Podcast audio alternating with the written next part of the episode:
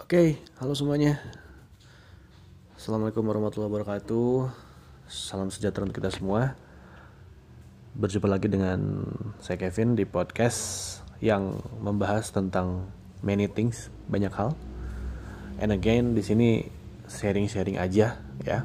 So, disclaimer at the first, jangan ekspektasi terlalu tinggi dengan podcastnya juga di sini tidak ada maksud menggurui karena tidak mungkin bagi saya untuk menggalami lautan. Sharing-sharing aja. Oke, temanya yang akan saya bahas kali ini adalah tentang time travel dan multiverse atau alternate reality. Ini terdengar sangat sci-fi ya, sangat science fiction. Kalau teman-teman yang suka nonton filmnya Marvel, DC, udah sangat uh, familiar dengan istilah time travel, uh, universe lain, multiverse atau alternate reality dan lain sebagainya. Sebelum saya bahas ke intinya atau ke bahas ke pembahasannya, saya mau bahas dulu sekilas tentang time travel dan alternate universe. Alternate universe itu adalah semesta alternatif yang terjadi dalam kehidupan dengan versi cerita yang berbeda. Misalkan di uh, semesta A saya beli martabak. Di semesta B saya jadinya beli boba dan kebab misalkan. Nah, itu uh, gambaran sederhananya adalah ada dua aktivitas yang berbeda dalam suatu uh, ruang waktu yang sama. Ruang waktu yang sama tuh maksudnya di planet bumi ya. Bisa aja belinya tentu di tempat yang berbeda. Misalkan martabak e, dekat rumah kebab sama bobanya misalkan di mall. Nah kayak gitu gambarannya. Jadi alternate universe itu adalah alternatif yang berbeda. Itu contoh yang sederhana ya beli makanan dan minuman. Sekarang bayangkan alternate universe yang lebih detail dan lebih jauh. Misalkan ini misalkan ya. Di universe alternate A anda menikah dengan seorang perempuan, namanya Dina misalkan. Di alternate universe B, Anda menikah dengan perempuan namanya Dini. Jadi dua perempuan yang berbeda. Dan itu di filmnya Marvel, di filmnya DC khususnya ya. Buat teman-teman yang dulu sering ngikutin mungkin masih mas apa sampai sekarang masih ngikutin seriesnya DC dari CW ada The Flash, kemudian ada Legend of Tomorrow, kemudian ada Batwoman yang terbaru, ada Stargirl yang terbaru, ada Superman and Lois setelah uh, Supergirl-nya selesai gitu ya. Teman-teman akan sering lihat yang namanya multiverse dan alternate universe. Jadi di uni yang itu tadi di timeline A itu menikah sama si Dina, di timeline B-nya nikahnya sama si Dini. Nah itu di, di film-filmnya khususnya di film-filmnya DC, seriesnya DC di The Flash contohnya itu sangat-sangat sering terjadi diceritakan. Jadi si The Flash ini punya kemampuan menembus kecepatan cahaya. Ini secara cerita sci-fi-nya ya. Dia menembus kecepatan cahaya. Kemudian setelah menembus kecepatan cahaya tersebut, si The Flash itu akhirnya balik lagi ke masa lalu. Balik ke masa lalu dan dia mengubah alternate mengalternate uh, apa namanya cerita atau timeline. Misalkan di timeline yang sedang dijalani oleh si The Flash itu dia menikah sama seorang perempuan. Gara-gara dia balik lagi ke masa lalu dan mengubah sesuatu di masa lalu akhirnya ada butterfly effect yang akhirnya mengubah cerita uh, kehidupannya dia. Dan yang lebih uh, tanda kutip ya edannya lagi yang lebih luar biasanya lagi adalah yang berubah bukan cuma hidupnya si The Flash saja.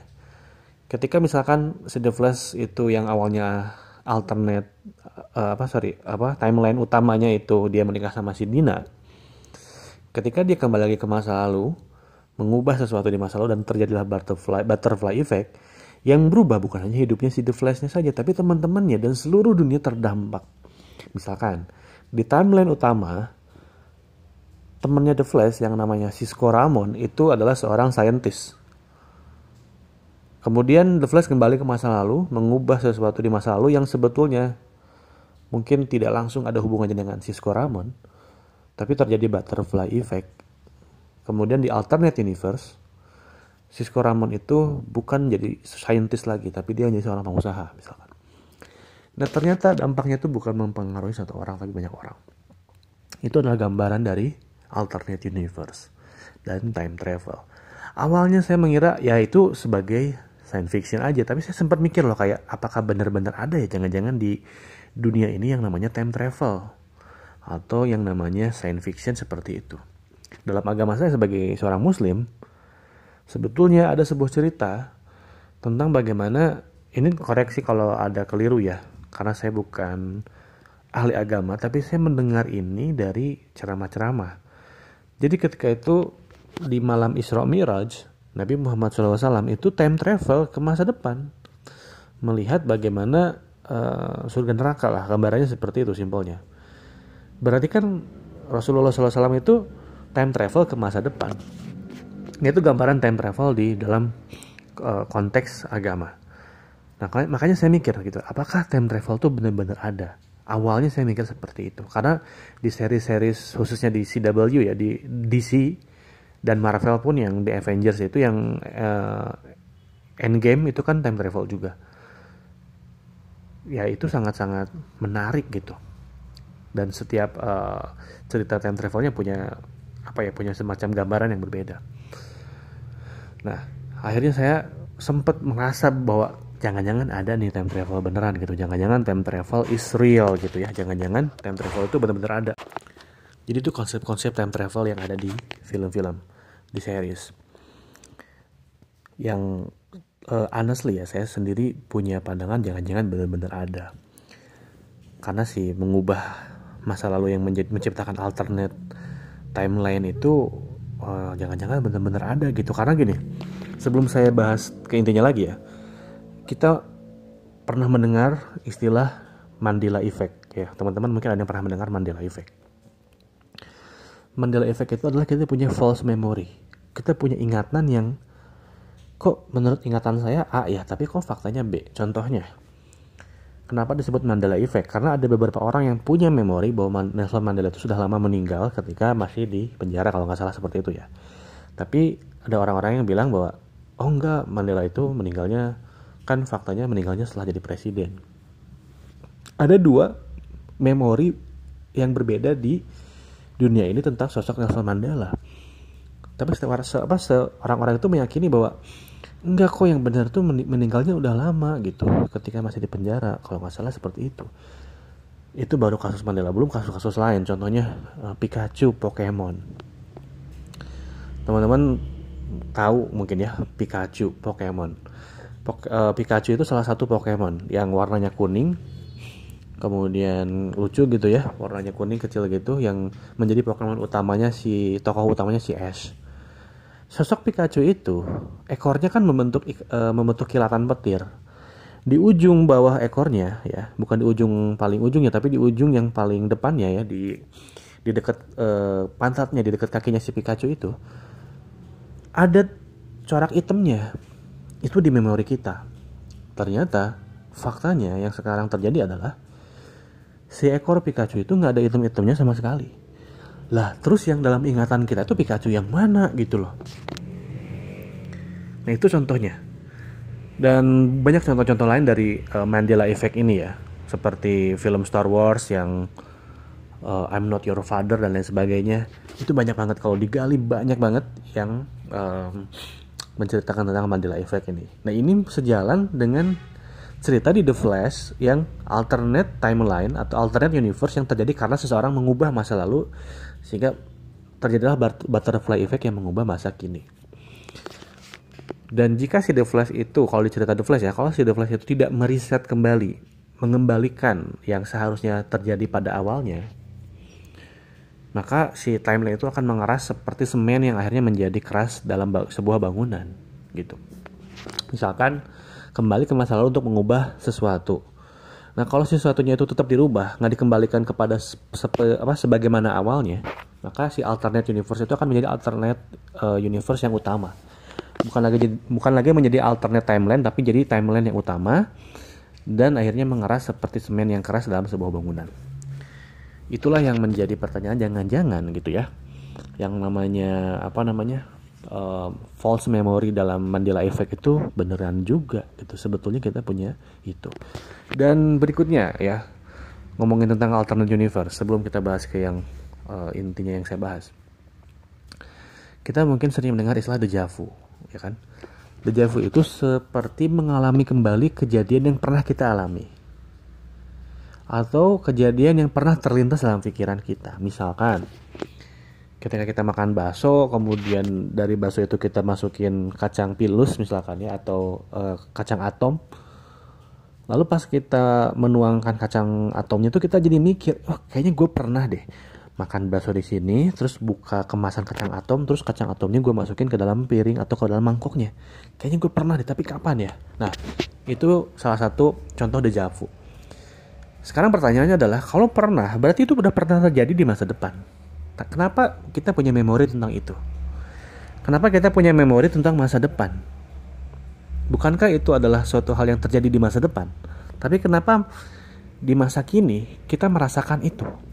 itulah yang disebut dengan deja vu itu juga saya belum tahu ya secara explanation secara detailnya mungkin ada explanation secara detail secara sains dan lain sebagainya tapi kalau kita bicara secara sederhana bagaimana bisa kita punya memori tentang masa depan di masa kini that's a big question that's a big question oke okay.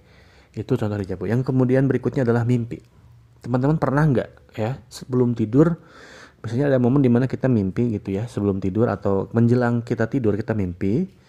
Lalu kita memutar sebuah film, memutar sebuah mungkin memori tentang sebuah kejadian yang sifatnya alternate. Misalkan kita tinggal di sebuah rumah, di rumah kita ada musola. Di dalam di dalam mimpi tersebut musola tersebut uh, karpetnya warna putih. Ya kan, karpetnya warna putih, lantainya warna putih dan baru saja dicat ulang temboknya juga putih semua di dalam mimpi tersebut seperti itu sedangkan e, kenyataannya atau dalam realitas atau timeline yang kita jalani si karpet itu warnanya hijau dan semua temboknya pun nggak putih-putih banget. Warnanya agak e, keput apa pucat krem gitu. Nah ketika tidur kita bermimpi tentang sebuah tempat yang kita tahu tempatnya apa tapi desain interiornya beda. Pertanyaan saya adalah apakah itu benar-benar mimpi atau itu adalah timeline yang lain dalam universe kita? Jangan-jangan itu adalah timeline yang lain di universe yang lain atau uh, apa namanya alternate universe tentang kehidupan yang yang mirip-mirip tapi ya activitiesnya atau beberapa poinnya beda. Atau pernah nggak teman-teman bermimpi bermimpi gitu ya? Eh, misalkan sekarang sudah punya pasangan si A si Dini lah yang tadi ya punya pasangan tuh si Dini sebetulnya tapi dalam mimpi berpasangan dengan si Dina dan itu terasa sangat nyata kayak ih gue tuh udah dalam dalam alternate universe yang ada dalam mimpi itu ya terasa ya emang pasangannya Dina kok gitu tapi pas bangun nyadar oh iya kan gue kan pasangannya Dini gitu namanya seperti itu nah itu juga sebenarnya sebenarnya sebuah pertanyaan dari mana asalnya memori-memori tersebut? Ya namanya mimpi bukan tidur. Simpelnya seperti itu. Tapi pertanyaan saya adalah itu terasa memang seperti nyata yang pertama. Yang kedua, dari mana munculnya memori-memori tersebut? Jangan-jangan itu adalah kilasan dari apa yang terjadi di alternate universe atau di uh, alternate timeline yang lain. Oke. Okay. Nah, kita bicara sebuah fakta ya. Ini saya bicara sebuah fakta bukan lagi kerana yang sifatnya uh, apa sci-fi atau science fiction. Oke. Okay. Jadi, ini saya dapatkan dari Dr. Joe Dispenza. Teman-teman mungkin ada yang pernah mendengar. Uh, Dokter Dr. Joe Dispenza ini adalah seorang yang sangat concern dalam bidang meditasi di bukunya yang berjudul Breaking the Habit of Being Yourself. Ini yang uh, bagi saya sih sangat apa ya? Satu sisi mengejutkan tapi juga menyadarkan. Jadi ada sebuah kejadian yang menarik. Oke. Okay? Pada suatu hari ya pada suatu hari tahun 2000 bulan Juli. Oke, ini kejadiannya tahun 2000 bulan Juli. Seorang dokter di Israel bernama Leonard Leibovici melakukan sebuah uji coba secara acak dan terkontrol kepada 3.393 pasien rumah sakit yang dibagi ke dalam kelompok kontrol dan kelompok pendoa. Kontrol itu berarti yang tidak diapa-apakan ya. Dan kelompok pendoa. Jadi kelompok ini satu satu kelompok yang kontrol itu tidak diapa-apakan, yang pendoa itu berarti diberikan doa. Nah, tujuannya adalah untuk melihat apakah doa memiliki pengaruh terhadap kondisi si pasien-pasien tersebut. Eksperimen doa adalah contoh bagus tentang pikiran yang mempengaruhi materi dari jauh, ya. Tetapi tetaplah uh, bersama saya ya teman-teman dan pendengar semua, karena segala sesuatu tidak tampak seperti kelihatannya. Leo Leibovici memilih pasien-pasien yang menderita inf sebuah infeksi di rumah sakit dan itu dipilih secara asak, secara acak. Dia memilih setengah dari jumlah pasien agar dibacakan doa. Yang tadi ya, kelompok yang dibacakan doa dan kelompok yang kontrol. Nah, yang dibacakan doa itu setengah yang lain itu nggak dibacakan, alias yang kontrol. Dia bandingkan hasilnya dalam tiga kategori. Seberapa lama demam bertahan, ya sakitnya bertahan itu seberapa lama, dan seberapa lama mereka dijala, uh, dirawat di rumah sakit, dan seberapa banyak kematian akibat infeksi tersebut. Jadi ya dua kelompok yang kontrol dan yang doa ini ingin dilihat dampaknya dalam tiga poin ya. Seberapa lama sakitnya bertahan atau demamnya bertahan, seberapa lama menjalani rawat inap di rumah sakit dan seberapa banyak kematian akibat infeksi tersebut. Nah, yang didoakan mendapatkan manfaat penurunan demam lebih awal dan rawat, waktu rawat inap yang lebih pendek. Perbedaan jumlah kematian di antara kelompok yang didoakan dan kelompok yang tidak didoakan memang sih tidak signifikan secara statistik meskipun lebih baik dalam kelompok yang didoakan. Oke. Ini menunjukkan manfaat doa dan bagaimana kita bisa mengirimkan sebuah intensi ke dalam medan kuantum melalui pikiran dan perasaan kita. Oke. Nah, ada yang janggal di sini. Ada yang janggal. Bahwa pada ta pada bulan Juli tahun 2000 di sebuah rumah sakit ada lebih dari 3000 kasus infeksi sekaligus. Janggal nggak? dari awalnya aja ini harusnya dipertanyakan. Kok bisa gitu? Tiba-tiba ada 3000 orang yang uh, together, ujuk-ujuk gitu cek bahasa Sunda namanya. Tiba-tiba uh, di dalam sebuah rumah sakit 3000 orang kena kasus infeksi yang sama sekaligus. Apakah tempat itu kurang dalam hal sanitasi atau memang sedang terjadi penularan yang besar-besaran? Sebenarnya, orang-orang yang berdoa ketika itu tidak sedang berdoa untuk pasien yang terinfeksi pada tahun 2000. Nah, ini baru ketahuan nih. Jadi si dokter yang bernama Leonard Leibovici ini uh, yang menyuruh orang untuk berdoa dan yang satu kontrol alias tidak diberikan uh, treatment apa pun. Sebetulnya, ini yang menarik ya. Orang-orang yang berdoa itu tidak sedang berdoa untuk pasien yang terinfeksi pada tahun 2000 Malah tanpa pengetahuan si dokternya juga, mereka berdoa untuk orang-orang yang pernah berada di rumah sakit itu dari tahun 90 sampai tahun 96 alias 10 tahun sebelum tahun 2000. 10 4 sampai 10 tahun sebelum tahun 2000. Jadi, orang-orang yang disuruh mendoakan itu malah uh, sebenarnya mereka mendoakan seluruh pasien yang berada di tahun 90 sampai tahun 96. Jadi mendoakan yang sudah pernah di situ. Mereka berdoa untuk orang-orang yang pernah berada di rumah sakit itu tahun 90 sampai 96 sebelum eksperimen tersebut dilakukan. Jadi ini ibaratnya um, mendoakan orang yang sedang sakit di masa lalu. Nah, pasien-pasien yang didoakan sebenarnya merasa lebih sehat selama tahun 90-an berkat sebuah eksperimen yang dilakukan bertahun-tahun kemudian. Atau dalam dalam uh, mengatakan dalam cara lainnya adalah seluruh pasien yang didoakan pada tahun 2000 menunjukkan perubahan-perubahan yang terukur dalam kesehatan. Tetapi perubahan-perubahan itu terjadi bertahun-tahun sebelumnya. Efek-efek ini sama sekali bukan kebetulan. Intensi kita, pikiran, dan perasaan kita, dan doa-doa kita tidak hanya mempengaruhi masa sekarang atau masa depan, melainkan juga sungguh-sungguh mempengaruhi masa lalu. Hukum kuantum menyatakan bahwa semua potensi eksis secara serentak. Pikiran dan perasaan kita mempengaruhi semua aspek kehidupan melampaui ruang dan waktu. Wow. Wow. Pertama kali saya baca ini ini saya ketika rekam saya lihatnya ini menitnya 20-20 ya berarti ini juga ada sebuah koherensi ada sebuah keselarasan yang wow wow pertama kali saya baca ini saya uh, terhenyak dan tersadar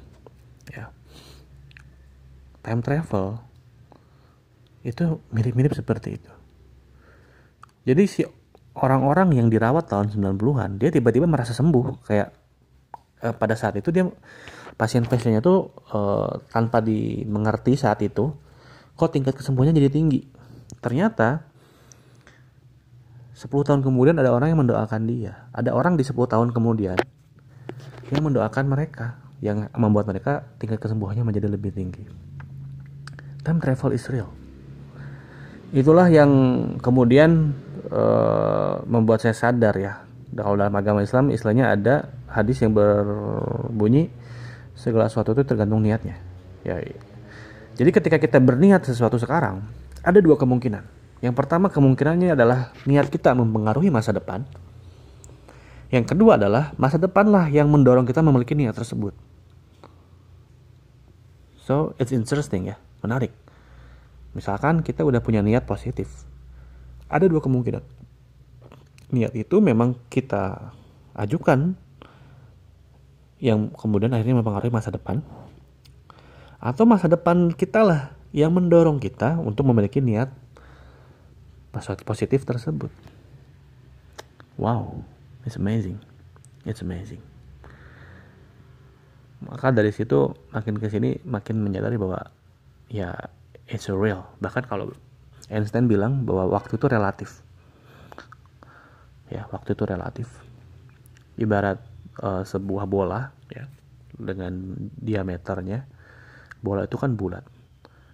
Nah setiap permukaan bola itu ibaratnya masa lalu masa kini masa depan yaitu kan sebetulnya satu bola semuanya gitu. Ibaratnya mungkin seperti itu. Tapi ini yang menarik. Kenapa tadi saya bahas uh, alternate universe begitu panjang misalkan katakanlah kita punya alternate uh, kita punya potensi A kita niatkan dari sekarang A, maka si potensi A dan niat itu akan bertemu. Ketika kita ngubah jadi B, maka si potensi B pun akan bertemu. Itulah alternate universe. Contohnya, ketika kita bertemu seseorang, apalagi orang-orang sensitif, dia misalkan ketemu sama seorang dan secara feeling udah mengatakan ini kayaknya orang gak beres. Kalau dalam istilahnya Malcolm Gladwell itu bling, berpikir tanpa berpikir. Kayak ini kayaknya nggak beres deh. Kalau dalam apa bukunya Malcolm Gladwell yang Bling itu kan diceritakan ada seorang yang melihat patung dan bilang oh ini palsu. Padahal dia baru lihatnya mungkin sekian, sepersekian detik atau sepersekian menit gitu. Dan ternyata benar ketahuan itu ternyata palsu. Nah itu seperti itu Bling. Ada semacam uh, intuisi atau hunch ya, firasat atau intuisi atau apa pun itu yang bisa jadi intuisi atau firasat itu munculnya dari, time travel itu. Jadi ketika um, masa depan kita ngasih tahu ke masa kini kita bahwa it's not good gitu. Don't choose that way because it's not good. It's danger misalkan. Begitupun ketika secara logika bilang eh itu bahaya risiko dan sebagainya. Tapi masa depan kita bilang that's good. Itulah yang disebut dengan firasat atau intuisi. Yang mana itu bisa jadi karena yang tadi uh, dibacakan. Ya yang tadi saya bacakan yang tadi diceritakan bahwa time travel is real. Masa lalu kita eh sorry masa depan kita mungkin memberitahu masa kini kita. Atau masa kini kita lihat intention masa kini kita akhirnya menjadi jalan bertemu dengan potensial yang ada di masa depan kita. Thank you for listening. Dan um, um, see you in another episode. Wassalamualaikum warahmatullahi wabarakatuh. Thank you.